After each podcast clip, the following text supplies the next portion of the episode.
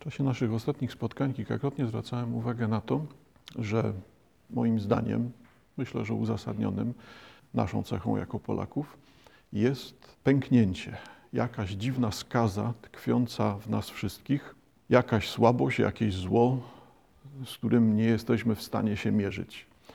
I dlatego wybieramy opcję wybielania, ułatwiania, upraszczania, myślenia o nas samych, o Polsce, Polakach, przeszłości, historii w sposób uproszczony, ale miły. Wobec tego uproszczony, ale miły, czyli skupiamy się na tym, co jest dobrego w nas, w naszej przeszłości. Moim zdaniem już z samego faktu takiego właśnie działania wynika przyznanie się do, do, do, do błędu, tak, do bardzo dużej słabości. Nic, nic nie wynika z y, myślenia o sobie, jaki jestem wspaniały, jaki jestem dobry y, i jak inni nie dorastają mi do pięt. Moim zdaniem nic. Poza megalomanią, budowaniem takiej właśnie zarozumiałości wewnętrznej, no to żadnego innego efektu nie uda się tak osiągnąć. Podstawą jednak refleksji o sobie jest refleksja polegająca na pełnej samoocenie. To nie oznacza wcale, że trzeba zwrócić uwagę wyłącznie e, na to, co najgorsze e, i, i zniszczyć siebie E, wewnętrznie, myśląc tylko o słabościach, o wadach. Nie. No, samoocena jednak wymaga tego, żeby zdawać sobie spra sprawę z plusów i minusów, zdawać sobie sprawę z tego, jak wyglądamy dla samych siebie jak wyglądamy w oczach innych ludzi. No, mówię o oczywistościach, tak myślę, ale w rzeczywistości no, mówię o pewnych nieuświadamianych słabościach o tym, że ciągle mamy wiele do zrobienia w nas samych. Musimy poradzić sobie z tymi sprawami, które woleliśmy ukryć w piwnicy, zamieść pod dywan, jeżeli ktoś woli taką metaforę. I udajemy, że sprawy nie ma. I paradoksalnie pojawia się ona nagle przed nami w zaskakujący sposób, ujawnia się jako jakiś, jakiś rodzaj e, bolesnego miejsca, e, wrzodu, którego po prostu nie należy dotykać. Udajemy, że go nie ma. No, to jednak jest kłamstwo, no, to jest wycofanie się, nieradzenie sobie z tym.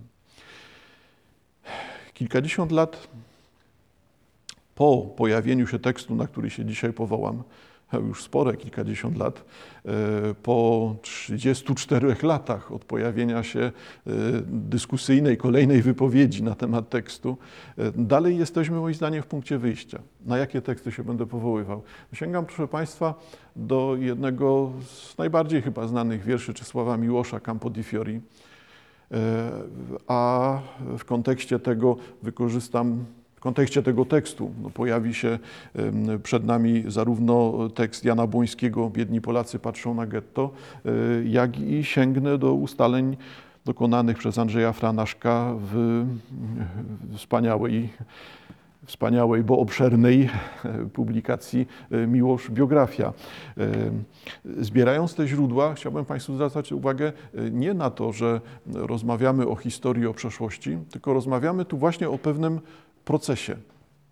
Zwracam Państwa uwagę na to, że e, pewien model, proces, jakiś zespół e, zmiennych, które tutaj będziemy widzieli w zbliżeniu e, w jednym aspekcie, tylko w kontekście Holokaustu, stosunków polsko-żydowskich w ostatnich latach, czy też od powstania w getcie do lat nam współczesnych, to jest istotne dla samego tematu, tak? ale jest istotne również jako próba diagnozy pewnego modelu wewnętrznego Polaka. Właśnie tego Polaka, który woli wybiórcze spojrzenie, woli obserwację w wycinkach, wycinkach wybranych samodzielnie i tylko w tych wycinkach, które odpowiadają jego dobremu samopoczuciu.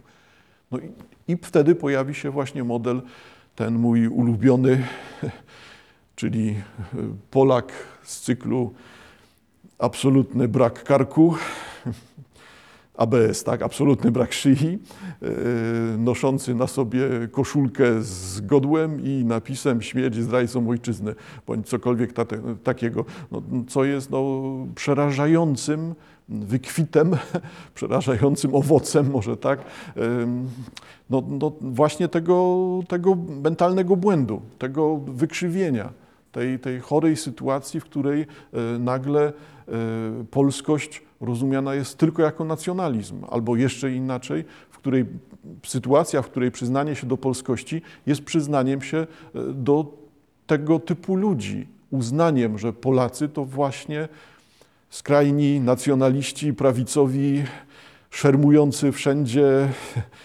Bogiem, Chrystusem, Maryją i Polską i wymiennie stosujący te kategorie, ponieważ to ubóstwienia Polski no, pojawiają się tutaj po prostu w tym dyskursie, tak, w tej narracji, jak już wcześniej zwracaliśmy na to uwagę.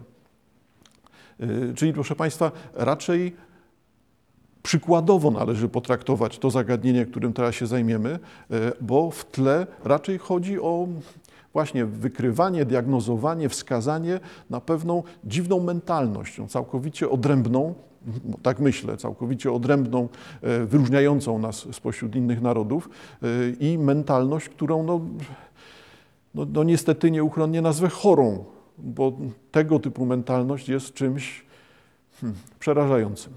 Ale proszę Państwa, jakby emocje tego typu odłóżmy na bok, sięgnijmy rzeczywiście do tekstów źródłowych. E, myślę, że e, sam wiersz Miłosza Campo di Fiori jest powszechnie znany, e, jednak wolałbym przywołać go w całości. Pierwszą część naszego spotkania poświęcić właśnie na przyjrzenie się temu tekstowi, aby przypomnieć, uzmysłowić sobie jeszcze raz, pokazać palcem jakieś ważne miejsca w tekście. Stąd sięgam teraz do tekstu Campo di Fiori, E, tekst z pierwszego tomu Miłosza wydanego po wojnie. E, szereg znanych tekstów w tym tomie również znajdziemy, e, ale interesuje nas ten i myślę, że na pewno sięgniemy do jeszcze jednego. Tom Ocalenie, 1945 rok, wiersze głównie z czasów okupacji, ale nie tylko i pośród tych wierszy odnajdujemy Campo di Fiori. Jeżeli ktoś nie był, to no, przypominam, że daleko nie jest e, do Rzymu. E, jeżeli ktoś był, to proszę sobie przypomnieć stan dzisiejszy Campo di Fiori, znane miejsce w Rzymie. Myślę, że mm, że w oczywisty sposób, jeżeli sobie Państwo albo przypomnicie, albo wyobrazicie właśnie plac, na którym dominuje sprzedaż kwiatów, ale też wszelkiego rodzaju owoców, e, owoców morza i placyk jest stosunkowo mały, a na środku tego placyku znajduje się współcześnie pomnik Giordana Bruna, e, pomnik, e, którego podstawa ozdobiona jest szeregiem płaskorzeźb ukazujących sceny dotyczące procesu skazania wykonania wyroku śmierci na postaci Giordana Bruna. No, myślę, że ten kontekst może się przydać. Tak. Plac jest żywy do dzisiejszego dnia i w tekście Miłosza jest to jeden z no, fundamentów, jeden z punktów odniesienia, jeden z obrazów, który będzie pojawiał się na pierwszym planie. Obraz ten będzie kontrastowany z drugim obrazem, z też bardzo znanym e, elementem, jakim jest karuzela e, przy murach getta. Jesteśmy w Warszawie w 1943 roku. Przywołam tekst. W Rzymie na Campo di Fiori kosze oliwek i cytryn, bruk opryskany winem i odłamkami kwiatów. Różowe owoce morza sypią na stoły przekupnie, naręcza ciemnych winogron padają na puch brzoskwini. Tu, na tym właśnie placu, spalono Giordana Bruna. Kat płomień stosu zażegnął w kole ciekawej gawiedzi. A ledwo płomień przygasnął, znów pełne były tawerny, kosze oliwek i cytryn nieśli przekupnie na głowach. Wspomniałem Campo di Fiori w Warszawie, przy karuzeli, w pogodny wieczór wiosenny, przy dźwiękach skocznej muzyki. Salwy za murem getta głuszyła skoczna melodia i wzlatywały pary wysoko w pogodne niebo. Czasem wiatr z domów płonących przynosił czarne latawce. Łapali skrawki w powietrzu, jadący na karuzeli. Rozwiewał suknię dziewczynom ten wiatr od domów płonących, śmiały się tłumy wesołe w czas pięknej warszawskiej niedzieli. Morał ktoś może wyczyta, że lud warszawski czy rzymski handluje, bawi się, kocha, mijając męczeńskie stosy. Inny ktoś morał wyczyta o rzeczy ludzkich mijaniu, o zapomnieniu, co rośnie, nim jeszcze płomień przygasną. Ja jednak wtedy myślałem o samotności ginących.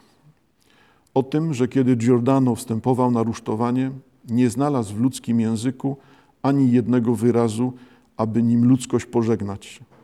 Tę ludzkość, która zostaje. Już biegli wychylać wino, sprzedawać białe rozgwiazdy, kosze oliwek i cytryn nieśli w wesołym gwarze. I był już od nich odległy, jakby minęły wieki, a oni chwilę czekali na jego odlot w pożarze. I ci ginący, samotni, już zapomniani od świata, język nasz stał się im obcy, jak język dawnej planety. Aż wszystko będzie legendą i wtedy po wielu latach na nowym Campo di Fiori bunt wznieci słowo poety. Tekst y, datowany. Pod tekstem mamy zapis Warszawa, Wielkanoc, 1943 rok. Pomijam, proszę Państwa, y, sprawy oczywiście, że bardzo ciekawe, czyli sprawy poszukiwań Miłosza odpowiedniego języka poetyckiego to są te osiągnięcia Miłosza jako poety, które zajmują jednak całe setki, jak nie tysiące stron, o których, których analiza, o których uwagi wypełniają właśnie tak, tak wielką ilość książek, artykułów. Stąd ja tylko sygnalnie wskażę, tak, że zamierzeniem Miłosza, celem, jednym z wielu celów była próba osiągnięcia języka poetyckiego nowego.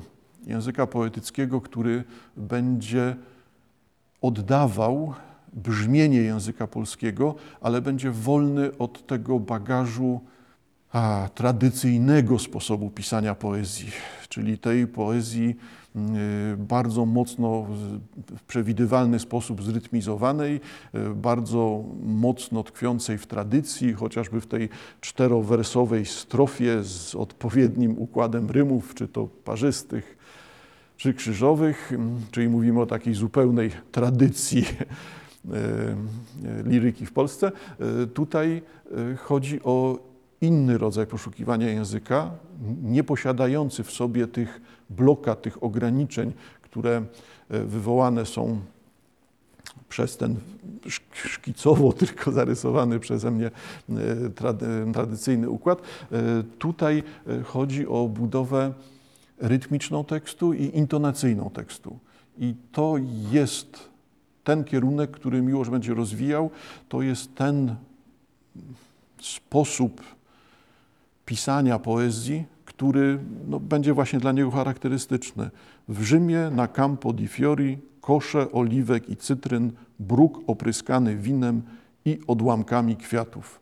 Czyli wszystko rozbija się tutaj właśnie w rytmie, e, w pozycjach akcentów, nie, nie, wolę się w to nie zakopywać, i y, w intonacji. Oczywiście, że no proszę wybaczyć, ja nie, nie mam tego modelu y, czytania typowo aktorskiego, nie mam tego, tego warsztatu, nie mam tej ekspresji, no ale Najważniejszy jest tutaj kontakt z tekstem, a najważniejsze byłoby to, żeby przeczytać samodzielnie ten tekst. Na pewno lepiej niż tylko wysłuchać. Y, proszę Państwa, y, skupmy się na tym, co już zarysowałem przed samym tekstem. Czyli mamy wyraźnie dwie części wiersza poświęcone Rzymowi, poświęcone Campo di Fiori, plac w Rzymie i poświęcone śmierci Giordana Bruna. Y, kolejne dwa elementy. Obraz poetycki dotyczący wspomnienia. Wspomniałem Campo di Fiori w Warszawie przy karuzeli. Obraz powraca w kolejnej strofie, przywołany jest obraz e, Campo di Fiori z Giordana Bruno e, i mamy rozbudowany kolejny obraz, jak wyglądają e, realia warszawskie, realia w 1943 roku. Trwa powstanie w getcie warszawskim. Miłosz skupia się tutaj na no, bolesnej, uderzającej, przykrej sytuacji, w której e, z jednej strony ulicy e, trwa mord, ludzie płoną w budynkach, w kamienicach, a z drugiej strony mamy e, ludzi spacerujących. Spacerujących jest Wielkanoc, ludzie oglądają sobie piękną warszawską niedzielę wiosenną. Oczywiście, że unikam teraz tego mówienia, jacy ludzie. No bo punktem wyjścia jest jednak podkreślenie tacy sami, mieszkańcy tego samego miasta, należący do tej samej kultury, mający tą samą historię, tworzą, e, odpowiedzialni za swoją przeszłość, świadomi swoich osiągnięć. E, a to, że jedni z nich będą po stronie Y, żydowskiej, a drudzy po stronie aryjskiej. Jedni z nich będą warszawiakami, Żydami, a drudzy będą warszawiakami, Polakami. No tak, ale radziłbym o tym myśleć właśnie w ten sposób późniejszy. To nie jest podział na obcych i tutejszych. Tutaj wszyscy są tutejsi. I ci ludzie stanowiący jedną społeczność nagle pojawiają się właśnie w takiej sytuacji, kiedy jedni są obojętni wobec, obojętnymi wobec śmierci drugich swoich sąsiadów. I kolejna część to część refleksyjna. Znowu w takich podwójnych układach e, mamy propozycję, jak sobie z tym poradzić. Problem, który tutaj będziemy widzieli, a za chwilkę będzie on zresztą podejmowany również już w drobiazgowy sposób e, e, przez Franaszka, to zestawienie tych obrazów. Dlaczego tak właśnie jest? Czy to są obrazy poetyckie, więc przynależne raczej do tej sfery kreacji, do, do świata poetyckiego, czy to jednak jest opis rzeczywistych stanów? rzeczywistych sytuacji. Czyli mamy sytuację, w której e, z jednej strony Giordano Bruno decyduje się na e, nie, nie przyznawanie się do czegoś, czego nie zrobił. Giordano Bruno mógł ratować swoje życie, czyli przyznając się e, do tego, że się mylił, że grzeszył, uznając, że mówił nieprawdę, Y, mógł uratować swoje życie. No ale ponieważ y, nie chciał kłamać, nie chciał przysięgać nieprawdy, czyli przyznawać się do czegoś, czego, czego nie zrobił po to, żeby ratować życie, no, woli śmierć na stosie niż kłamstwo dla ratowania życia. Y, czy ten obraz jest heroizacją? No, no tak, tak. Jeden i drugi z tych obrazów celowo są tutaj używane y, po to, żeby heroizować, po to, żeby pokazywać niezwykłość ginących ludzi. Jakby budować ten model ostatecznego testu, y, chwili, w której ktoś zdaje egzamin z bycia człowiekiem, zdaje go przed samym sobą i zdaje go zwykle samotnie. To, że Giordano Bruno jest tutaj jedną osobą płonącą na stosie, a to, że mamy tutaj setki, tysiące e, ludzi e, ginących w getcie, trzeba by się wdawać teraz w historię getta i o którą śmierć chodzi. W czasie samego powstania jednak mówilibyśmy o setkach e, ludzi ginących w getcie. No to to jest już temat znowu na bardzo długie opowieści. E, wobec tego zwróćmy uwagę na to, że te dwa obrazy są tutaj zestawione celowo. Celowo są przywołane dwa obrazy o znaczeniu historycznym. E, znaczenie historyczne ma również e, ta, ma tak powstanie w getcie, jak i ta karuzela po stronie polskiej przy murach getta. Czyli patrzyli, patrzymy teraz na dwa historycznie sprawdzalne, obiektywnie, obiektywne obrazy. Z zestawienia tych dwóch obrazów, Campo di Fiori, getto w Warszawie, czy Giordano Bruno płonący na stosie Żydzi ginący w getcie warszawskim, y, Miłosz proponuje wnioski. Te wnioski mają charakter rozpoznania albo charakter prowokacji. No, wymuszają ocenę tego zjawiska, tej sytuacji, której jest świadkiem bohater naszego tekstu.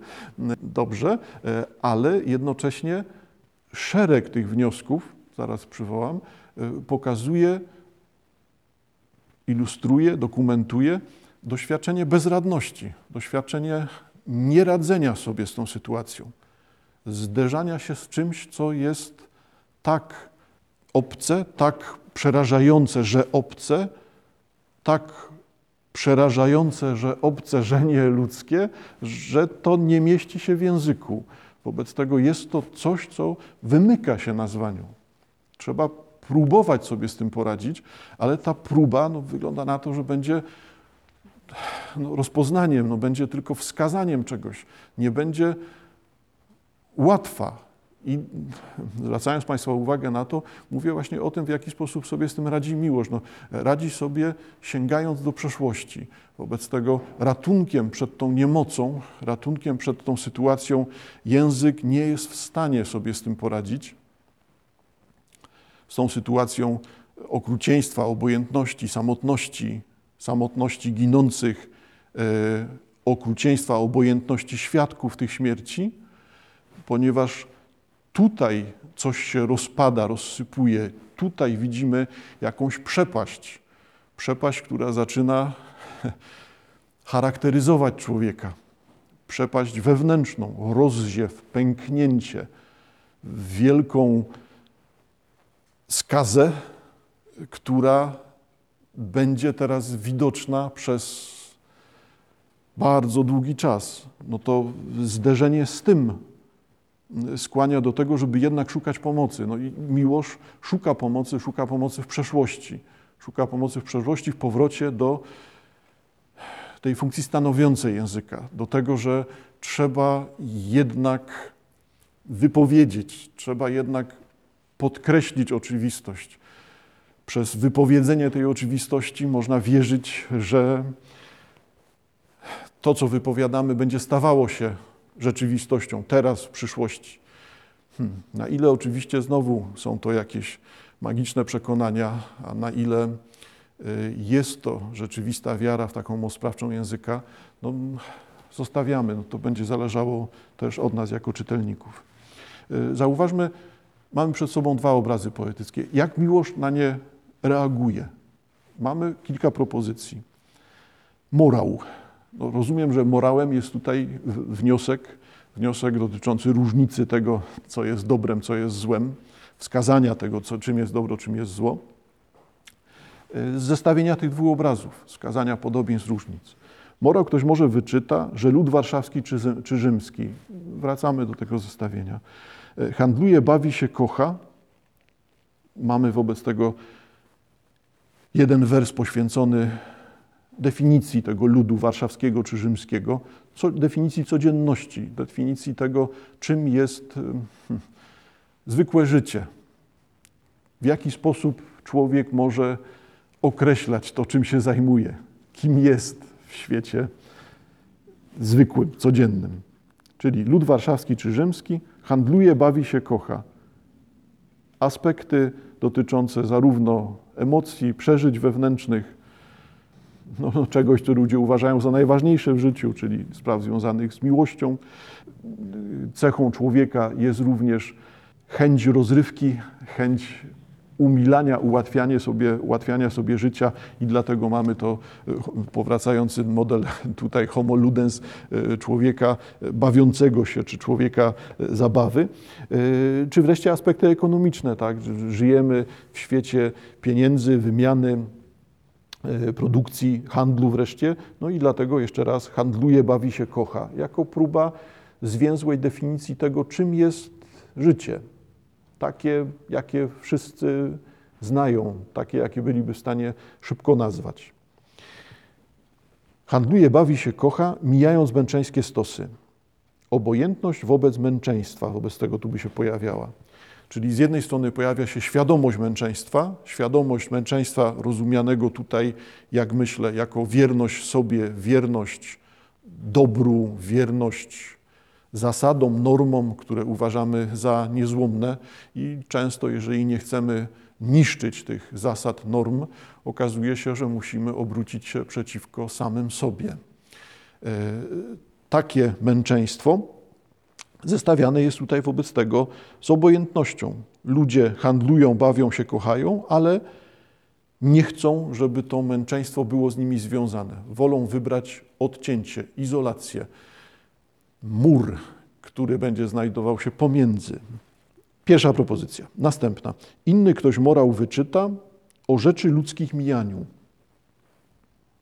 Czyli podstawowa refleksja o przemijaniu, o zmienności świata, o tym, że nie możemy przywiązywać się do rzeczywistości, do wydarzeń, do sytuacji, ponieważ one wszystkie są tylko tym pasmem przeszłości. Jest to tak rozumiany świat jest tylko tą przyrastającą przeszłością, mm, narastającym przemijaniem. E, nie wiemy nic o teraźniejszości, jest ona dla nas stale nieuchwytna, niezrozumiała, e, tym bardziej nie istnieje dla nas przyszłość.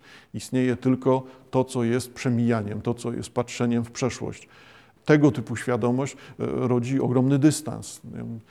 Nie warto się w nic zaangażować, nie warto opowiadać się, nie warto walczyć o coś, no ponieważ wszystko to jest czymś poza naszym wpływem. Jest czymś, co dzieje się bez związku z człowiekiem.